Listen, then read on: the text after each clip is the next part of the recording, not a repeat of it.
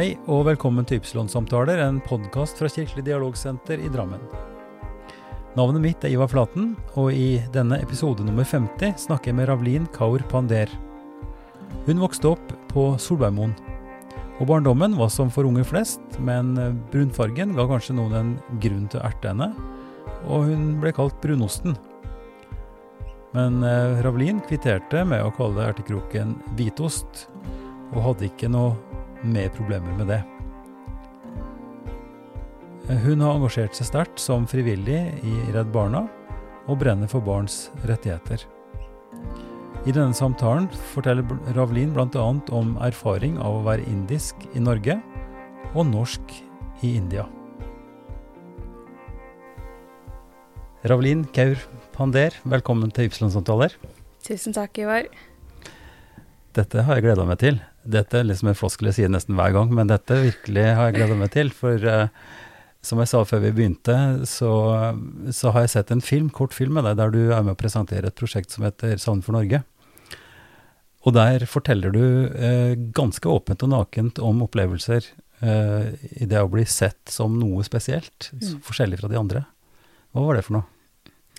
Nei, det prosjektet, da det handler jo om at jeg har min egen historie. Det er en storytelling om hvordan det var å vokse opp med to kulturer. Det er altså den norske kulturen og den indiske kulturen. Mm. Og der, uh, Den er jo klippet veldig fint sammen. Jeg kan anbefale den filmen. Jeg kan legge den ut eh, i forbindelse med denne podkasten, så kan folk se den. Men, men, greia er at dere er mange forskjellige enkeltpersoner som, som presenterer dere sjøl på en måte. Som skal si noe om dere sjøl, slik at andre skal forstå hvem dere er.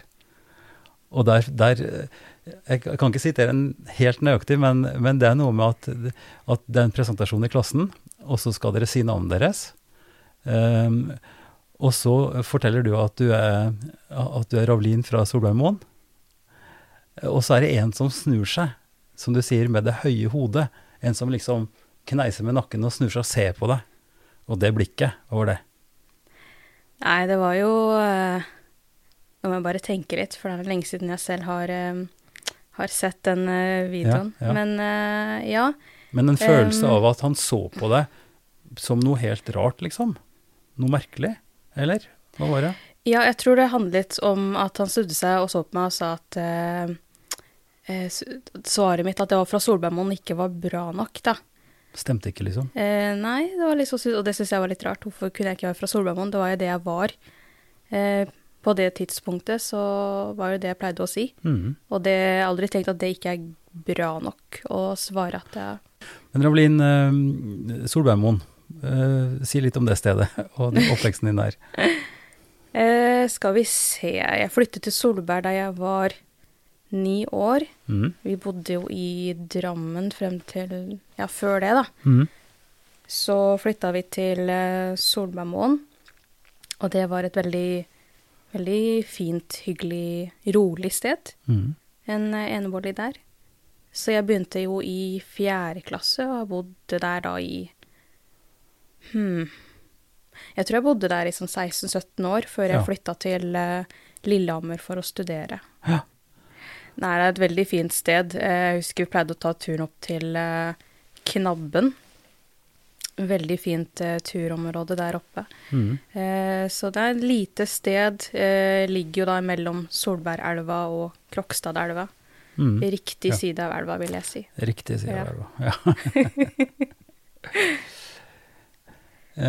og når han gutten i den filmen som jeg stadig vekk maser om, eh, la merke til at du ikke var akkurat som alle andre. Altså Det måtte jo være en følelse av at du Han ville markere at du var noe annet. Mm. Og hva annet er du, for de som ikke nå ser det her foran meg? Jeg er jo født og oppvokst i Drammen, og så har jeg foreldre fra India. Mm. Eh, Nord-India, og da spesifikt Punjab. Ja. Så foreldrene mine, de de kom hit på 80-tallet, som mange andre arbeidsinnvandrere fra India kom. De første kom vel på 70-tallet, og så kom jo foreldrene mine på 80-tallet, da. Mm. Så det er den indiske herkomsten, altså mørke, mørkt hår, eh, også, som, som, gjorde at du ble på en måte pekt ut, og det var overraskende for deg? Ja, og så var det sikkert fordi jeg var brun òg, for vi var jo flere i klassen som hadde mørkt hår, men som var da lysere i huden. Mm. Så jeg følte at det var ikke Det hadde kanskje ikke så stor forskjell, da. Nei. Mm. Eh, Og du, når jeg har fortalt eh, Jeg tror kanskje du kan si litt mer om, eh, om den storytelling, det prosjektet som heter Sammen for Norge. For folk som hører det sånn, og meg sjøl inkludert, når jeg hørte det først, så tenkte jeg filler'n, hva slags navn er det, liksom? Nesten som en sånn høyrenasjonalistisk høyre, høyre proklamasjon av Norge som suverent best og sånn. Men så, så er jo det navnet tatt veldig bevisst. Hva tenker du er bakgrunnen for at det navnet ble valgt? Det kommer av ehm, prosjektet Tilsammans for Sverige, Mhm. som da er i regi av Fryshuset i Stockholm. Mhm. Og da var det Forandringshuset som ehm, da fikk hjelp til å starte opp det samme prosjektet i Norge, da. Mhm. Som går ut på å skolere ehm, unge voksne i storytelling, slik at man kan fortelle sin egen historie på ulike arenaer. Mm.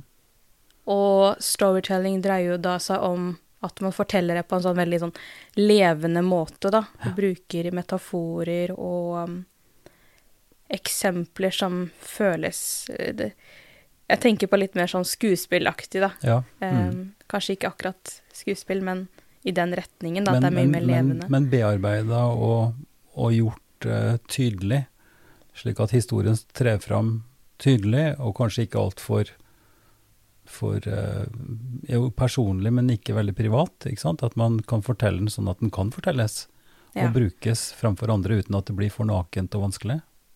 ja. Så det skal jo være tydelig, og at andre kan sette seg og på en måte virkelig leve, leve seg inn i den historien de hører på, da. Mm. Så vi var jo eh, Jeg tror vi var rundt 15 stykker mm. som da dro til Sverige for en helg. Jeg tror det var 15. Mm. Ja. Mhm. For å lære oss mer om hvordan vi skulle da em, skrive vår egen historie, da. Mhm. Hvilken bit av vår historie vil vi bruke? Hvilke metoder kan vi bruke for å gjøre historien eh, mer levende? Så det var veldig interessant, fordi alle disse menneskene var, hadde forskjellig type bakgrunn, mm. og vi kjente hverandre ikke på forhånd. Og eh, ja, det var veldig gøy og interessant å lære å kjenne hverandres eh, bakgrunner, og på en måte prøve å forstå hvorfor vi tar de valgene vi tar, da. Mm. Ganske stor spredning i, i bakgrunn og interesser og, og sånt noe. Sånn som jeg har skjønt det, så var den gruppa veldig sammensatt. Ja. Eh, Representanter fra forskjellige kristne grupperinger, eh, fra sikh, eh, ja, og ja, ganske, ganske mange ulike humanister. Til og med en Mm. satanist hadde eh, havna der. Eller i Ja. hvert fall hadde en erfaring med satanisme. Ja, det, det stemmer. Men til Sammen for Sverige, eh, som du nevner, eh, og Fryshuset har jo som sin målsetting og sin impuls at de ønsker å bygge et fellesskap eh, for unge som har nettopp ulik historisk og, kulturell bakgrunn, religiøs bakgrunn, for å skape et fellesskap. Altså Mm. at man er sammen som svensker da, i Sverige, men med denne veldig mangfoldige bakgrunnen. Og det er vel noe av det som også en tar med seg inn i det norske prosjektet, at, at den er sammen for Norge, altså at den bygger et, type, et nytt fellesskap, da, eller bidrar til, til å skape dette større, den større fornemmelsen at vi, at vi, er, vi er norske, eh, sjøl om vi kan ha bakgrunn i, i veldig ulike Mm. både kulturelle og religiøse settinger. Absolutt. Mm. Eh, du fremstår jo som sikh, eh, og sier at du, at du har tilknytning til sikh. Eh, hva har det betydd for deg i, i, i eh, erfaringen du har så langt? Hadde dere en sterk tilknytning til sikh-tempelet? Vi har jo et fantastisk sikh-tempel nå i, i Lier, f.eks. Ja, eh, vi pleide å Jeg vil nok si at jeg er kanskje mer født eh, inn i en sikh familie. Mm. Eh, kanskje ikke så praktiserende som mange andre. Men jeg husker at vi pleide å gå i tempelet hver søndag da jeg var liten. da. Mm. Så Så Sikh-tempelet, det, det er uh, veldig fint, og det ligger i Lier og er absolutt verdt å ta turen. Men jeg regner med at du har vært der? Mange ganger, ja. jeg har mange venner der, og, og uh, altså En kunne jo si mye om Sikh-tempelet og det prosjektet, at de klarte å gjennomføre det med mye, mye greier, altså vanskeligheter, men uh, med en stor innsats av mange som gjorde at det lykkes. og og at det er stor frivillighet. Uh, at det lages curry der eh, av familier hver gang, så du kan få spise. Eh, ja, i det hele tatt det er veldig flott og en imponerende, imponerende forsamling, syns jeg. Det er jo ikke veldig mange sikre i Norge. Det er snakk om en 4000-5000 eller noe sånt nå til sammen. Ja, jeg tror det er rundt 5000. Ja. men mm. hvor mange som er um, praktiserende, det, det veit jeg ikke. Nei. For å si det sånn, da. Mm. Nei, men det er jo Jeg syns jo det er jo også fint, fordi eh, en har en slags fordom, tror jeg. Mange har i hvert fall at de andre de er så veldig mye mer praktiserende. Vi snakker om muslimer f.eks., som har ramadan og, og, som er i moskeen og sånn. Så tror mange som tilhører den kristne kirka at de Altså alle muslimer går i moskeen hele tida og, og så videre. Men og sånn er det med Sikh-tempelet også. Det, det, er en tilhørighet der, og man går dit, men ikke nødvendigvis hele tida. Og, og liksom at livet fylles av bare det. Det er, en, det er, en, grunnleggende tilhørighet som er der, men som kanskje ikke Som ikke er sånn ekstremt eh, framme i pannebrasken hele tida. Mm. Jeg tenker sånn at det er mange som er sånn selektiv eh, praktiserende, Jaha. hvis jeg kan si det sånn. At mm. man, man velger seg litt sånn det som passer for eh, en selv, da. Mm. Og følger de, um, de både tradisjoner og den del av religionen som passer en selv best. Mm. Ja. Og det kan jo være spennende å høre. Altså i, jeg jeg syns det kan være mange paralleller her til, til norske familier som, eh, som feirer jul, f.eks. Er veldig, veldig sentral for, for året og for, for, en veldig sentral familiefest og sånn, som er en helt tydelig kristen høytid. Uh, og det kan være påska, ikke sant, man drar på fjellet, eller kanskje av og til til og med går i kirka, selv om det ikke, ikke Det er ikke så mange som går i kirke på, på, på, i påska som til jul. Men uh, i, i, ditt, uh, i, din oppvekst, på hvilken måte, når du tenker tilbake, var, var siktroen tydelig i, i, hjemmet, liksom, i tradisjonen, i maten, i, det som skjedde innafor de fire veggene?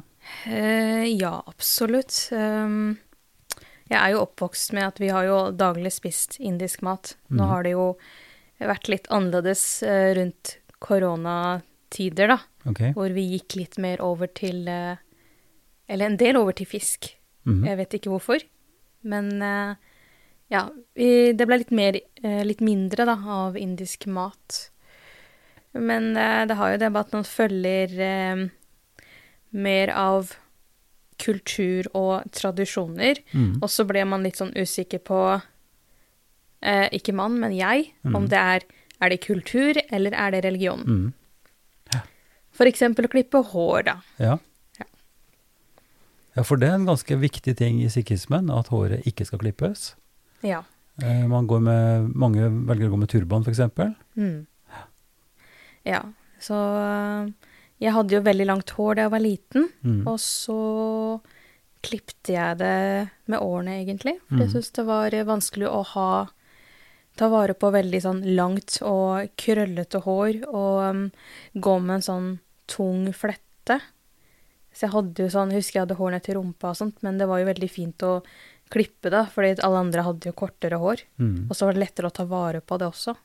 Var det kontroversielt i familien din? Det var jo litt sånn, det var ikke greit å klippe håret sitt. Nei. fordi man skulle jo spare det. En slags motsetning, da, for da jeg var ungdom, så var det ikke greit at gutta hadde langt hår. skulle, skulle klippe det. Men, men, dette er jo sterkt forbundet med, med på en måte leveregler og, og, og sånn i sikhismen, hvor, hvor, håret nettopp ikke skal klippes, men tas vare på. For gutta så skal det ikke klippes skjegg. og Eh, dette, dette, kunne vi snakke mye om, men det er ikke poenget nå. Ja. Men altså at du da du har valgt med din bakgrunn også å ta dine egne valg, da. Mm. Eh, og, og, kanskje om ikke opprør, så i hvert fall vært Levde litt uenighet med, med foreldrene dine om det? Ja. Eh, blant annet å klippe hår. Mm. Ja. Kommer ikke på andre ting, men det er sikkert Nei, mange, altså, er jo- mange andre Nei, ting. altså jeg er ikke ute etter å eh, grave i, i konflikter her, for det er jo fantastisk å kunne Ja. få, få finne sin egen vei, da. Altså Ja. man har bakgrunn i det og et, har tilhørigheten der, men, men den må jo finne sin egen vei. Det tror jeg det er felles for, eh, for de fleste av oss, at vi måtte ha gjort en sånn, en sånn jobb, da. Mm. Men kunne du si litt mer om eh, Jeg, jeg kunne godt tenkt meg om, om du kunne ha utvikla litt mer det der med den følelsen av å være eh, innafor og utafor, altså samtidig. Eh, det å være ha indiske røtter, indiske foreldre, og være norsk. Eh, dette har du formulert eh, veldig fint, syns jeg, i den fortellinga som jeg har hørt, om, om hvor du egentlig er fra. Hvor, hvor tidlig kom det opp? Altså Er det ting som du har opplevd også da i, i tidlig barndom, eller er det noe som ble tydeligere da du ble, ble ungdom? Ja, det, um, det var et godt spørsmål. Jeg er litt usikker på når. Uh, jeg veit ikke om man skal Kanskje barneskolen? Mm. Når andre kidsa løp rundt og kalte meg brunost.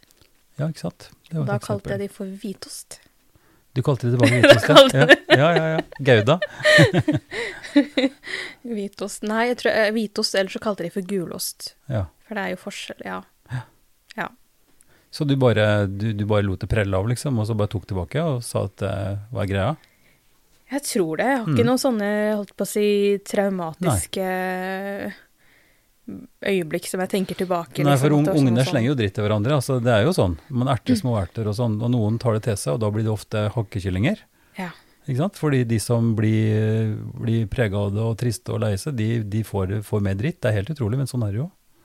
Men, mm, Ja, nei, men jeg, jeg må nok ha lært det fra et eller annet sted. Jeg kan ikke huske hvem som lærte meg at jeg skulle kalle de hvitost tilbake, eller om det bare kom sånn automatisk. Mm. Men uh... Jeg vet ikke om det Unnskyld, om det også har med, med selve utviklingen han har som barn og ungdom. At det med, med litt høyere alder, man kommer i ungdomsgruppa, at det blir viktigere å ha en gjeng, at det blir viktigere å ha en tilknytning. Eh, og at eh, altså erting og utenforskap og sånt er jo mm. et generelt problem for, for barn og ungdom.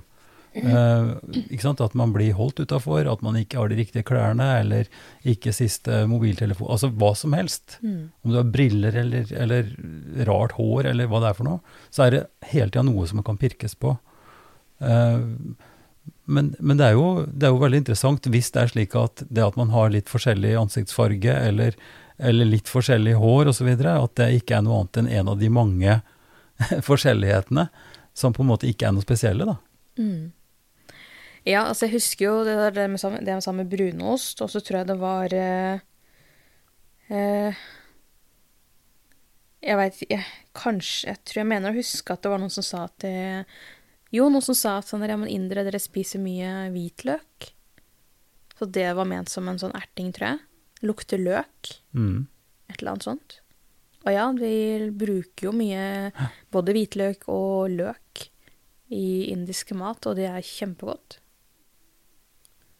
Men når du, når du kom inn i dette kurset eh, om Sammen for Norge eh, etter hvert, altså da Hva var grunnen til at du ble med der, forresten?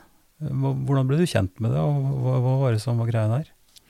Det var rett og slett Facebook. Jaha. Ja. Jeg så det sånn helt tilfeldig på Facebook, og det sto noe om om man kunne da eh, holde foredrag, og jeg syntes det var veldig interessant å kunne lære meg teknikker for å prate foran andre mennesker, Mm. og prate på en slik måte at mitt budskap blir levende, da, Mm. og at folk vil høre på meg. Mm. Så jeg syns det var først og fremst interessant. Og så Mm. var det jo selve konseptet. Eh, det å treffe andre med forskjellig bakgrunn.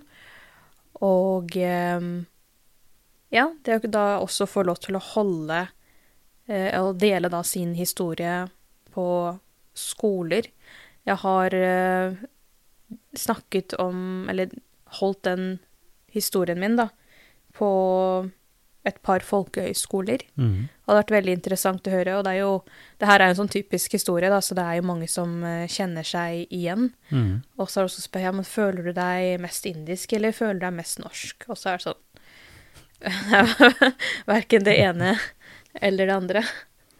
Så det er liksom ikke noe Det er ikke noe fasit. Nei. Um, ja. Nei, for du er begge deler. Du har, eh, du har eh, erfaringer fra begge, begge deler. ja, og så kommer det litt an på situasjonen, da. Mm. Uh, sted, situasjon, tid, hvor man føler seg kanskje litt mer uh, det ene enn det andre. Så når man sitter og ser på VM og sånt, så føler jeg meg kanskje litt mer norsk. Altså. ja, Mm. det tror jeg. Ja. Så det her var jo første kullet, da, for Mm. eh, Sammen for Norge. Det Mm. har ikke det har ikke blitt startet opp et nytt et. Jeg regner med at eh, Jeg vil anta at det også er pga. koronaen som har gjort eh, ting litt utfordrende. Mm. Vi, gruppa vår, da, hadde jo en plan om å dra til Finland i fjor. Mm. Det var vel rundt Jeg tror det var enten mars eller i mai. Mm. Mai, kanskje. Ja. Så jeg så veldig fram til det, for da skulle vi treffe gjengen som er i Finland. Mm. For de har jo også startet eh, Jeg vet ikke hva det heter på finsk, men ja, Tilsvarende. tilsvarende der. Mm. Og um, Så planen var jo å dra dit, men eh, det ble dessverre avlyst, så jeg håper at vi kan få til det Mm. en senere anledning. Jeg vet såpass at det, det, jobbes, eh, det jobbes videre med konseptet, og at en ønsker å, å ta det videre. For det, jeg syns det er en veldig interessant miks av både den prosessen som deltakerne får eh, i å skulle fortelle sin historie og høre på andres historie, og, og være med på, på måte, å bidra til den, den fellesfølelsen, som også er viktig i forlengelsen av historien, for da inviteres det jo til samtale, eh, og der folk kan få dele sant, egne erfaringer og sånt med, med tilsvarende. Mm. Um, jeg bet meg også merke det i at du, uh, i, i en sammenheng hvor du og noen kolleger av dere uh, hadde snakka, eller holdt for fortellingene deres, og, og dette var i en forsamling uh, i det som heter DOTL, altså Drammen Omegn Tro- Livssynsforum, hvor det var representanter for ulike trossamfunn og sånn, og i en setting hvor man diskuterte ungdom og religion og oppvekst, eh, hva slags eventuelt krysspress og sånn man blir utsatt for imellom ulike forventninger, da. Mm. Og da husker jeg du, du fortalte noe om, eh, om eh, da du var med til India og, og møtte slektninger der. Kan du ikke ta oss med på det? Få høre. Ja, eh, ja, der er man jo ikke Når man kommer til India, så er man ikke Da er man ikke indisk, da er man norsk. Mm. Og eh, da er det jo mange spørsmål om Norge, og det kan være Så de, de, de kan komme med sånne antagelser, da, om hvordan eh, vi som er født og oppvokst i Norge, er. Mm. For eksempel, jeg husker jeg, det var noen familiemedlemmer som spurte meg om jeg kunne lage roti. Roti er jo sånn chapati, det runde indiske brødet. Mm. Om jeg helt tatt kunne lage det, om jeg helt tatt kunne lage indisk mat. Og tenkte bare sånn, herregud, det her er jo så basic ting, og uh, hva er det som gjør at, uh, at dere tenker at jeg ikke vet hvordan man skal lage indisk mat? Så um, Ja, og så skiller jeg, man seg jo også ut der, da, i forhold til Jeg ble fortalt at det er av hudfargen min, og det er litt Det er jo litt komisk, fordi det er det som skiller meg ut her også. Så der så var hudfargen eh, Der eh, var jeg litt for lys, da. Mm. Så um, derfor var det også veldig tydelig at jeg ikke var derifra.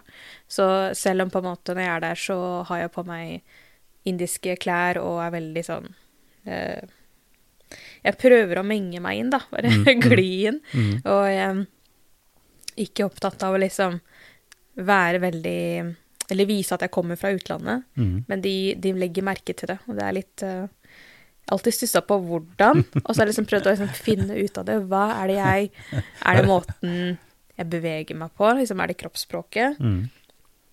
Eller er det uh, måten jeg snakker på? Eller de, man trenger ikke å snakke engang, de kan bare se det på deg når du sitter, så bare OK, de folka der, de er fra utlandet. Så alltid vært veldig nysgjerrig da, på hvordan folk Mm. der fanger det opp. Mm. Men uh, for meg så kan jeg da anta at det også er pga. hudfargen. Mm. Um, men det er jo også selvfølgelig normalt å være lys der òg. Mm. Ja. Så, det er forskjeller der òg, som overalt ellers. Så det er akkurat det. Det er derfor jeg ikke skjønner helt Det fins jo andre um, lyse indere der. Um, hva er det som gjør at de, de kan se det med en gang? Ja. Det, det, er slags koder og, og, helt, helt sånn subtile små ting som, som avslører en, da. Mm. Og det kan ha som du sier med kroppsspråk eller blikk, hvordan du fører deg, hvordan du framstår i forhold til andre, altså voksne, eldre, altså jeg vet ikke. Eh, og dette blir jo sikkert eh, nyansert ganske mye når du lever i en norsk setting, hvor disse forventningene og, og de ja, forventningene, det presset, på en måte er annerledes. Mm.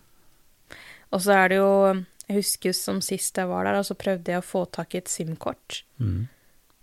Og de sier at det er lettere å få tak i SIM-kort på flyplassen, men da hadde jeg ikke tid til å kjøpe et. Så jeg var i en av eh, lokalbutikkene for å prøve å kjøpe SIM-kort der, og det lot seg ikke gjøre fordi jeg måtte ha et eller annet sånn kort, noe sånn identitetskort mm. eller noe sånt, så mm. det holdt ikke med jeg vet ikke hvorfor, men jeg kunne ikke bruke da pass. Um, det var veldig forvirrende. Mm. Så skulle, man skulle tro at ting var så mye enklere å bare dra dit og få gjort ting. Ja, det er mange ting som er mye enklere å få til der, annet ventetid hos både alt fra tannleger, leger, altså sykehus, mm. behandling generelt. Ting man ønsker å få gjort, går mye raskere der okay. enn det gjør her. For skal vi på sykehuset for en operasjon eller røntgen eller noe sånt, kan man oppleve at det tar tid. Mm. Du får en innkalling, ja, og så tar det litt tid. Så bare ja, venter du mm. kanskje et par måneder før du kan uh, finne ut av um, Finne ut av uh, det du lurer på, da. Mm. Mens der så opplevde jeg at det Det var noen ting som vi skulle undersøke, og så ble alt, alt det gjort på én dag.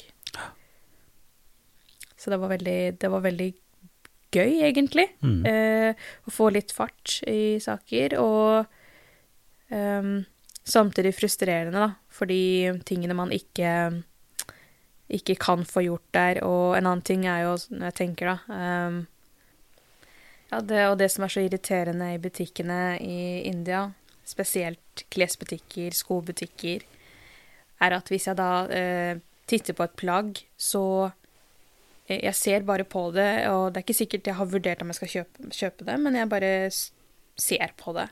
Og da kommer den ansatte bort til meg og så sier at du, vi har det, det plagget i denne størrelse, hvilken størrelse trenger du?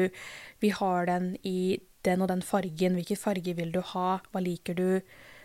Og så står jeg der og er litt sånn litt fortvila fordi at uh, jeg, jeg, bare titter, og så sier jeg at du, jeg kan gi deg beskjed hvis jeg trenger hjelp. Så um, det går fint, takk. Og mm. da regner jeg da med automatisk at den ansatte vil da flytte seg litt lenger bort og la meg være i fred. Men det skjer da ikke. Og det ble så sinnssykt irriterende. Så jeg husker jeg var i en sånn skobutikk uh, sist gang jeg var i India. Og den ansatte fulgte bare etter meg rundt omkring i butikken um, og, og, kommenterte alt jeg så på. At jeg bare løp ut. Det, det, du følte deg for, for fullt, rett og så var jeg, så var sånn Nei, jeg kan ikke gå inn. Det var jo mange fine sko, men jeg ble så distrahert av alle disse um, De ansatte som skulle ja. hjelpe til hele tiden. Ja. Og det salgstrikset de har, eller jeg, skjønner ikke hvordan det fungerer for dem. For jeg merker jo at til og med de som bor der, også blir irritert. Mm. Så ja. Det er ikke akkurat det problemet vi har her i Norge, syns jeg. Når jeg av og til skal ha med et par sko, så, så, så, så må jeg liksom sørge for å påkalle oppmerksomheten. ja, her er det litt omvendt noen ganger.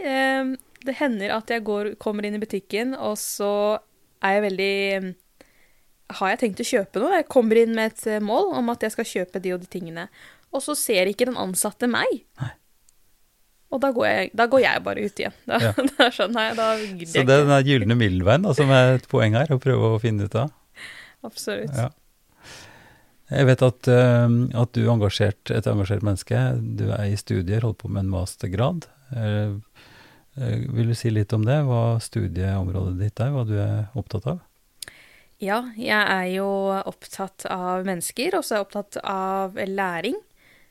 Og derfor så holder jeg på med en master i tilpasset opplæring, og er snart i gang med å skrive min masteroppgave. Mm. Så til høsten så regner jeg med å bli ferdig. Eh, og så har jeg en bachelor i pedagogikk. Så det er mm. mennesker og kunnskap, da. Jeg syns det er veldig interessant å bidra til andres utvikling, andres mm. læring. Mm. Eh, du nevnte for meg en sånn tentativ tittel som handler om motstandskraft, eller, eller evne til å å stå i det, på en måte. Resilience. Ja. Eh, Innafor spespeden, eh, kanskje, først og fremst? Eh, ja, altså eh, resiliens som et begrep var litt ukjent for meg mm. frem til jeg ha, ha, leste mer om det i um, et emne jeg hadde i fjor, mm. som gikk ut på folkehelse og livsmestring. Mm. Så da jeg begynte å lese om resiliens, så syntes jeg selve hele resiliensteorien var utrolig interessant. Altså resiliens dreier seg jo grunnleggende om den motstandskraften, den robustheten. Det som gjør, eh, gjør at vi klarer å komme oss opp igjen, reise oss opp igjen etter at vi har opplevd eh, dårlige ting i livet. Mm, mm. Mennesker som har vært utsatt for traumer. Det kan være mange forskjellige ting, da. Mm. Men hva er det som gjør at folk klarer seg? Og det er eh, Og da har jeg jo alltid brukt det der eksempelet med at det er en eh, Det er to sønner, og den ene, eh, når han vokser opp, så blir han Klarer han seg bra i livet. Mm. Får til alt i livet, alt går mm. bra. Mm. Og den andre, når han vokser opp, så går det ganske gærent med han i livet. Og så blir de spurt Begge to blir spurt hva skjedde, og så sier de 'faren min var alkoholiker'. Mm. Mm. Og det handler jo Det viser jo at det handler også om hvilke perspektiver man velger å ta, uh, ta videre, da. Mm. At man kan ikke alltid bare skylde på eh, skylde på oppvekst, Nei. for eksempel. Sant. Det, det er et norsk uttrykk som sier at det er ikke et spørsmål om hvordan du har det, men hvordan du tar det. Og det er noe av det samme. Den, ja, man kan fortelle, historien, kan fortelle historien om, om sin barndom på forskjellig måte. Ja. Det er et annet morsomt uttrykk sier at det er aldri for seint å få en god barndom. og det også handler om hva slags historier mm. vi forteller oss sjøl, og hvordan vi klarer å mobilisere krefter. da. Ja, så det mm. handler jo om å ta ansvar for sitt eget liv, da, for at de um, Da vi var yngre, så var det valg som ble tatt for oss, mm. men når vi er eldre, så kan vi selv velge hvordan vi ønsker å leve, at vi selv må ta ansvar for disse valgene. Så i masteroppgaven så har jeg planer om å skrive hvordan lærere kan bidra til å styrke resiliens hos elever. Mm. Så det er en foreløpig problemstilling. Eh, jeg får se hvordan det går. Men det tror jeg du, der er du på sporet av noe, for eh, jeg tror mange av oss kan fortelle sterke historier om hva lærere har betydd eh, i livet vårt, rett og slett. Som motivatorer, og som, som har evna å sette oss og og hjulpet oss til å få fotfeste og, og kunne gå videre. Ja. Eh, de historiene er det mange av, og det er veldig sterke historier. Så jeg tror det lærere som foreldre er veldig viktige i et, i et barn og en ungdomsliv. Absolutt. Mm. Men også innenfor frivilligheten. Jeg vet også at du, du engasjerte mye der. Eh, at det er viktig også, altså sånn som i, i Forandringshuset, som vi snakka om, skape et godt miljø for folk til å utvikle seg. Eh, om det er å fortelle historier eller være med på andre andre viktige ting. Eh, Forandringshuset her i Drammen er, er jo et fabelaktig sted. Jeg ser jo alt de får til nå. I vinterferieuka f.eks. så har de jo et kjempeopplegg nede i byen for, for barn og familier. Eh, imponerende. Men du har også erfaring med, med, frivillighet i andre sammenhenger, vet du, Ravelin? Ja, eh, jeg er frivillig i Redd Barna. Og har vært i Redd Barna i ti eller elleve år. Litt mm. usikker. Og um, jeg vil jo Jeg kan jo fortelle litt om hvordan jeg kom inn der. Mm, mm. Eh, jeg husker jeg var på en konsert. Det var for innsamling til eh, Var det flomkatastrofen i Pakistan, tror jeg det var? Mm -hmm. På Union Brygge. Union mm. Brygge sier jeg Union Scene, mener jeg. Ja. Og um, eh, Så jeg var på den, det var en konsert der, og på vei ut så fikk jeg en sånn flyers i hånda mi. Mm. Og der og da så reagerte jeg jo ikke på det, men jeg putta den i lomma, og da jeg kom hjem, så lå den flyersen på skrivebordet i to uker, Mm. før jeg faktisk så på den. Og, og da leste jeg mer om Redd Barna som organisasjon. Mm. Eh, tok en telefon og meldte meg inn, egentlig. Mm. Hva var det som catcha interessen din i den flyeren? Um, jeg tror nok det var først og fremst det å arbeide med barn og unge. Mm. Og så synes jeg logoen var veldig fin. Ja, faktisk. Logoen betyr noe, altså. Ja. Ja. Ja, mm. jeg tror jeg, jeg likte rødt veldig godt. Jeg liker rødt fortsatt, da, men det var en sånn fin kombinasjon. Og så hadde jeg ikke Hadde ikke så mye annet å drive med på det tidspunktet. Mm. Så jeg meldte meg inn, og da ble jeg tatt veldig godt imot. Og så har jeg nok bare vært der siden. Jeg har jo vært borte et par år da, på grunn Mm. av eh, studier. Mm. Hva slags oppgaver var det du gikk inn i? Hva var det som uh, fått av interessen din der? Det var å um, lage aktiviteter for barn. Mhm. På det tidspunktet så hadde vi et samarbeid med Røde Kors. Og da hadde vi aktiviteter i Røde Kors-lokalet. Og dette her var barn som var på desentralisert mottak i Drammen. Mhm. Så det her er jo veldig mange år siden. Hva er et desentralisert mottak? Desentralisert mottak betyr at eh, barna da ikke bor eh, direkte i mottaket, men de bor i egne leiligheter eh, rundt omkring i byen. Og dette, dette er barn og unge som ennå ikke har fått oppholdstillatelse? Ja. Så de, de venter på avklaring? ja, de venter på å få svar. Krevende situasjon for de? Ja, og derfor var det jo veldig fint å også kunne gjøre hverdagen deres eh, normal, da. Mm. Normalisere hverdagen gjennom aktiviteter, mm. og også bidra til at de får ha minnerike stunder og ha noe å fortelle om når eh, Ja, ting som de kan dele med andre barn, da. Mm. Eh, aktiviteter. Og da opp gjennom årene så har vi hatt ulike, ulike aktiviteter. Jeg husker spesielt at vi var Vi var vel på Drammensbadet en gang. Og så har vi vært på Lekeland. Eh, det har vært mange andre aktiviteter også. Mm. Og, Er det noen av eh, disse, av disse ungene du husker spesielt? Noen historier eller opplevelser som gjorde inntrykk på deg? Eh, ja, da må det ha vært ikke, eh, Altså, jeg var jo først i Drammen, Mhm. Og så eh, var jeg med å starte en ny gruppe i Lillehammer. Ja. For jeg flyttet jo dit for å studere. Mm. Da starta jeg en ny gruppe der, men det var litt andre oppgaver. Der handlet det om at vi skulle hjelpe da eh, barnefamilier med å bli kjent i lokalsamfunnet. Mm. God nabo-prosjektet, da, het det. Og der husker jeg at vi, vi var da fire frivillige som hadde ansvar for, for en familie. Og vi dro på kino. Mhm. Og denne ungen, han var seks eller syv år og hadde aldri vært på kino før. Så det var hans første kinotur, og farens første kinotur også. Mhm. Og det syns jeg var veldig gøy. Da husker jeg vi var og kjøpte masse godteri og popkorn og brus og sånt da, som han ville ha før vi skulle inn og se filmen. Mhm. Så det var veldig gøy. Mm. Det husker jeg spesielt. Eh, og nå, nå er det her i Drammen du har vært med i, i Redd Barna. Ja. Mm. Eh, jeg, har også, jeg sitter også i Redd Barnas medlemsstyre, og fungerer da som talerør for medlemmene i øst-sør. For eh, i Redd Barna så er jo, det er jo delt i fem regioner, Mhm. og her på Østlandet så har vi øst-sør og øst-nord. Mhm. Og det betyr at eh, de andre frivillige kan komme og dele saker og dele ting med meg, Mm. og så kan jeg ta med det videre på medlemsstyremøter, da. Mm. Og det er eh, Det går litt uh, tid der mm. uh, for tiden.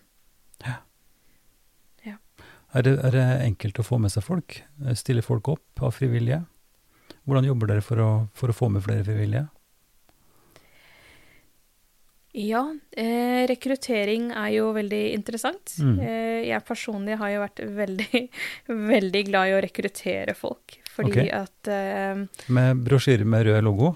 ja, ja, faktisk. Det jeg husker eh, for veldig mange år siden, da jeg begynte i Redd Barna Drammen, mm. så gikk jeg rundt med disse brosjyrene på ulike restauranter og kafeer i Drammen, for mm. å, og spurte om jeg kunne legge inn et par stykker, ja. da. Mm. Så det var sånn, hvor enn jeg var, så på en måte prøvde jeg å etterlate meg sånn Redd ja. Barnas spor, da. Ja. Og eh, jeg solgte nylig eh, bokhylla mi. Aha. Og um, på den så jeg, lot jeg Redd Barna-klistremerket være igjen, da. Så det var liksom Jeg vaska alt annet, men den delen så var sånn Ok, dette skal være sånn um, signatur fra ja, meg. Ja, um, ja, så det med rekruttering var veldig alltid likt og vært veldig interessert i å rekruttere. Og jeg tenker at når man selv er veldig engasjert, jeg har alltid mm. vært engasjert i organisasjonen og veldig nysgjerrig, og når man selv er engasjert, mm. så er det mye enklere å smitte det engasjementet over på andre mennesker. Så det prøvde jeg alltid å gjøre, mm. og det fikk jeg til i Lillehammer, fordi at da jeg starta den gruppa der, så var den gamle gruppa ble jo borte. Mm -hmm. Fordi de som var frivillige før, de slutta jo. Det var siste års studenter. Ja. Så de ble borte. Mm. Og da starta en ny gruppe. Vi var åtte stykker. Og det var jo eh, nye mennesker for meg også, men jeg klarte liksom å eh, dra folk i mm. gang, da. Mm. Hva var det du frista med da? Hva er det viktige med, med Redd Barna, sånn som du kunne få Barns folk med? Barns rettigheter. Ok. Ja. Mm. Barns rett til lek og fritid. Barns rett til utdanning. Og um, ja, det å jobbe med barn i, i lavinntektsfamilier. Og barn i sårbare eh, situasjoner, da, som har vært igjennom ting. Mm. Og det å bare bidra til at de har det bedre, at de eh, At de har et sted hvor de kan Eh, knytte nye relasjoner og bare være barn, da. Mm. Rett og slett. Føler du at de rettighetene er trua, sånn som er i Drammen? Barns rettigheter? Om de er truet, det um, Det veit jeg ikke om jeg, kan, eh, om jeg klarer å svare på om de er trua. Um, Men altså at, at, det er et behov, åpenbart, for, for, barn og for familier med, med, det arbeidet som dere gjør her i Drammen? Det er et, et tydelig behov. Det er eh, Drammen har jo flere barn i lavinntektsfamilier, eller vedvarende lavinntektsfamilier, da, mm. for å si det sånn. Mm. Og de har ikke den økonomien til å kunne dra på slike aktiviteter selv, på egen hånd. Mm. Og da er det jo fint å ha en organisasjon eller ha noen andre som kan være en støtte mm. gjennom en slik vanskelig tid. Mm. Og så fortalte du meg om at du, at du har vært med i et, i et nettverk. Eh, fortell litt om, om, det. Du, var det Brenna du sa det var? Ja, jeg var med i et um, selvutvikling- og ledelsesprogram okay. i regi av si, Sima altså det heter eh, Si Talent, da, som går ut på at um, det var et toårig program mm -hmm. hvor vi fikk verktøy til å um, Hva skal jeg si Hvor vi fikk verktøy til å bedre oss selv, uh, altså selvledelse. Vi fikk um, ulike moduler hvor vi gikk gjennom forskjellige temaer. Mm -hmm. Blant annet uh, dette her med å bli bevisst på sin mangfoldskompetanse. Mm -hmm. Fordi jeg vil nok si jeg var usikker på eh, min mangfoldskompetanse, da.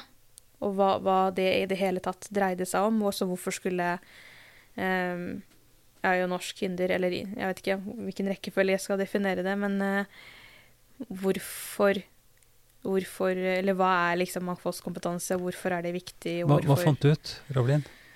Eh, nei, mangfoldskompetanse dreier seg jo om at eh, Jeg må jo først bare si at når vi først eh, hører bare begrepet altså mangfold og mangfoldskompetanse, så tenker man sånn automatisk knytter opp mot innvandring, da. Mm, ja. Det er sånn, jeg tror, vil jeg nok si, det er mange som gjør Ja, det første har på. Mangfold, OK. Diversity, OK, innvandrere. Mm. Så når folk snakker om mangfold, så er det mange som bare automatisk snakker om det som om det handler om innvandrere. Mm. Og så, okay, så blir jeg mer sånn OK, men hvilken del innenfor mangfold er det du snakker om? Mm. Fordi mangfold er ikke bare innvandrere. Det handler ikke bare om å uh, tallfeste, det handler ikke bare om etnisitet, religion Det er alt det som er synlig. Ikke sant? Hvis du ser det Mm. isfjellet, alt det vi ser utapå. Mm. Men det handler jo også om kunnskap, det handler om kultur, det handler om egenskaper, det handler om Mm. erfaringer. Mm. Alt det vi ikke ser. Og hvis vi da, for at vi skal kunne bruke oss selv som hele mennesker, og den kompetansen og erfaringen vi sitter inne med, Mm. så er vi først nødt til å bli bevisst på det. Mm. For hvilken kompetanse er det jeg har? Mm. Hvilken erfaring har jeg? Hvilken kunnskap har jeg som eh, jeg kanskje ikke har sett tidligere, fordi jeg ikke har vært opptatt av å bevisstgjøre det, da. Mm. Men det er jo interessant sånn språklig sett òg. Du kan si mangfoldskompetanse eller kompetanse om mangfold. Eh? Det du snakker om nå, er jo å bli, bli klar over sin egen mangfoldighet. Mm. Altså alle sidene ved ens egen erfaringsbakgrunn og kunnskap osv. Som ikke på noen måte trenger å ha noe med etnisitet eller, eller språk og sånn å gjøre. Eh, hver enkelt kan jo tenke med seg sjøl gjennom livet hva slags læring, hva slags erfaringer, hva slags motstand, hva slags seire en har. Eh, alt dette gir jo en, en, en, både en mestringskompetanse og en erfaring med det å ikke lykkes. Mm. Så det er også mang mangfoldighet, eller eh, mangfold. Men tenker, jeg tror nok du har rett som du sier, at hvis du snakker om mangfoldskompetanse, så, så tenker en på det synlige mangfoldet. Jeg har også vært veldig opptatt av, eh, i dialogarbeidet som jeg driver, at en skal være klar over at ulikhetene går i hytt og pine. Altså at vi er individuelle, forskjellige, også innafor tilsynelatende nokså homogene grupper, da. Ja. Og anerkjenne forskjeller. Eh, både i interesse, i kunnskap, i, ja, i, i, i alt mulig. Noen ganger så jeg, jeg tenker det blir, eh, kan bli krevende å anerkjenne forskjellene, fordi det kreves mer av oss som mennesker. Og det er lettere å Hvordan da? Eh, nei, altså vi må, det tar jo mer tid og mer energi, da. Å finne ut av eh, hvilken kompetanse du har, hvilken kompetanse er det jeg har. Ikke sant? Det kreves mer av oss. Det, krever, det er en større utfordring, vil jeg si, da. Ja, ta, ta tid for å snakke sammen, blant annet. Ja, Eller har vi, Og har vi tid? vil vi bruke tid? Ja, vil vi bruke tid? Har vi tid? Gidder vi? Ikke Mm. sant? Er det viktig? Slike ting, da. Ja, og hva slags uh, verktøy har du i skrinet ditt for å kunne åpne opp for sånne samtaler og, og lære sånt? Hvordan er det praktisk eh, altså det, det er jo en egen personlig prosess. Det er jo det du snakker om nå, først og fremst, kanskje. Ja. Det å bruke tid på seg sjøl og finne ut sin egen mangfoldighet. Men eh, det åpner kanskje også for interesse i andres mangfoldighet. Jeg vet ikke. Hva slags erfaring har du på det? Absolutt. Og jeg tenker eh, kartlegging, da. Det å kunne kartlegge gjennom samtaler.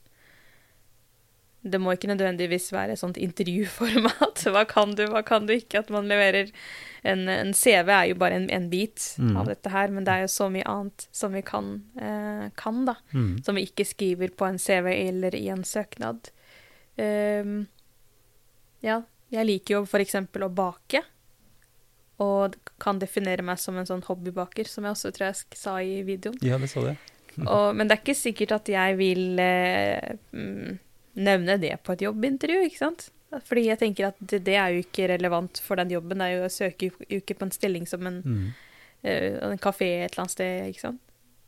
Men, det, men det er noe veldig fascinerende i den tanken med, med ens egen mangfoldighet, å åpne opp for den, og gjøre den uh, seg sjøl bevisst, men også å erkjenne uh, min, min reaksjon umiddelbart når du snakker sånn, det er jo at den erkjennelsen av ens egen mangfoldighet også gjør det interessant å finne ut av andres mangfoldighet, og anerkjenne mangfold og mange sider hos den andre. Mm. Og det må jeg jo si, Rovlin, at det er jo en av hoveddrivkreftene i mitt podkastprosjekt.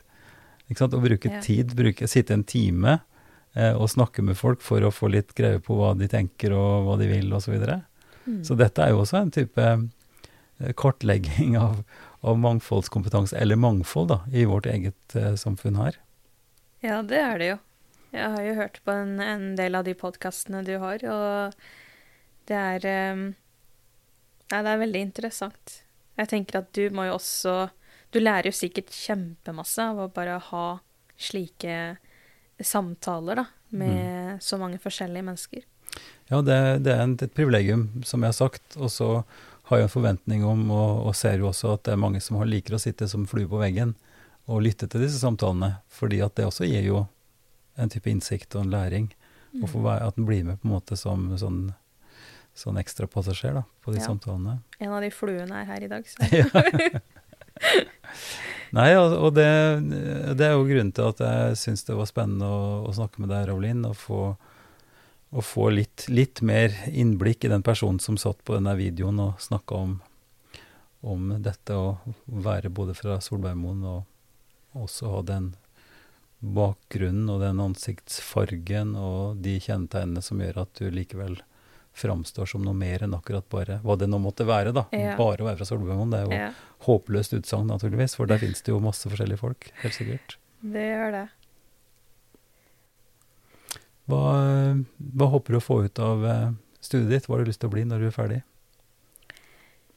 Jeg ehm, har først og fremst lyst til å få skrevet en god masteroppgave, og bruke tid på den, og øh, ja, gjøre det bra, og så får jeg se hva som, hva som skjer videre.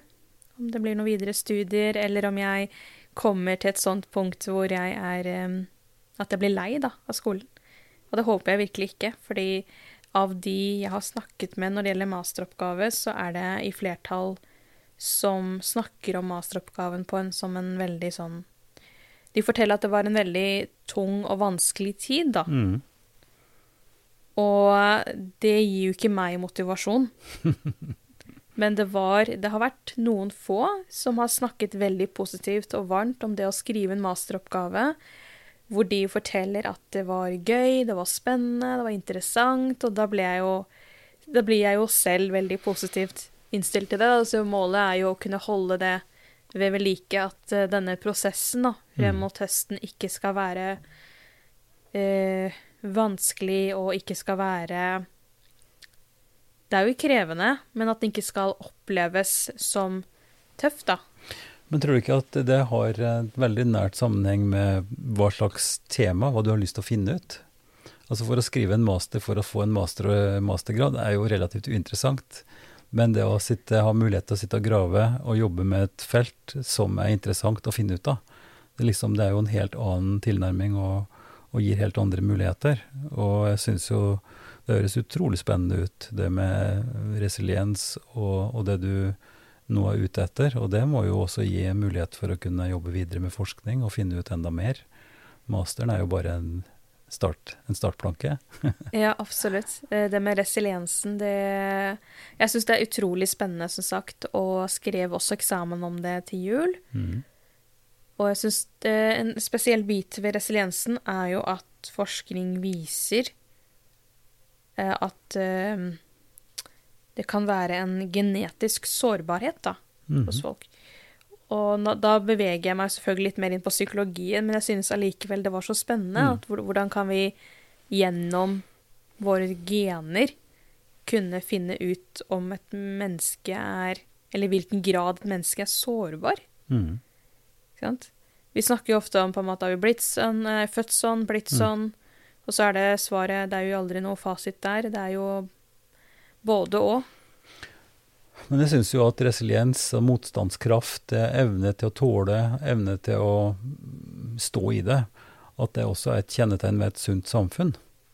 Eh, Og at det vi har vært inne på i mangfold, mangfoldskompetanse, det å kjenne seg sjøl, kjenne sin egen eh, mangfoldighet, sin egen, eh, sine egne muligheter, sine egne begrensninger, at det også åpner for, eh, for det som vi blir mer og mer klar over i ja, både biologien og zoologien, altså at mangfoldet eh, er en ekstremt styrke og en helt nødvendig del av et, av et liv og av et samfunn. Mm. Eh, og den bevisstheten om at, at, det mangfoldige samfunnet, de ulike tilnærmingene, forskjellige måter å tenke på, forskjellige måter å forstå ting på, altså ulikheten som det mangfoldige samfunnet, med enkeltpersonene og interessefellesskapene, de forskjellige trossamfunnene, alt mulig, er en del av noe som er nødvendig for at det skal bli et, et bærekraftig da, og sunt samfunn fremover. Absolutt. Og jeg tenker at det er eh, Jeg syns det er litt eh, trist at eh, det tverrfaglige temaet folkehelse og livsmestring kommer så Jeg syns det har kommet så seint inn i skolen, da. Fokus på psykisk helse. Vi har hatt kroppsøving, hatt gym altså i så mange år. Og vært fokuset på fysisk helse og um, på en måte hva er det som har gjort at vi ikke har hatt fokuset på dette eh, tidligere. Mm. En ting som er veldig fint, med dette temaet, er at det ikke er et eget fag som elevene får karakter i. Mm. For man kan jo ikke Det blir feil å si at du er, flink, du er flink til å ta vare på psykiske helsa di, eller du er dårlig til det. Sånn sett er det jo fint, men det er eh, Ja, det er litt sånn eh, trist å tenke på at det har tatt så mange år, da. Mm. At, uh, og dette som du snakker om, det, altså livsmestringsfaget som har kommet inn i skolen, som handler nettopp om det å snakke om og, og jobbe med sin egen både syke og motstandskraft. Hvordan leve i spenninger, hvordan leve i endringsprosesser og alt mulig. Ja, hvordan, altså, hvordan som, er livet, da? Ja, sånn som livet er. Ja. Leve i livet sånn som det er, og ikke sånn som det burde være. Ja. Eller kunne ha vært. Eller sånn som andre gjør det.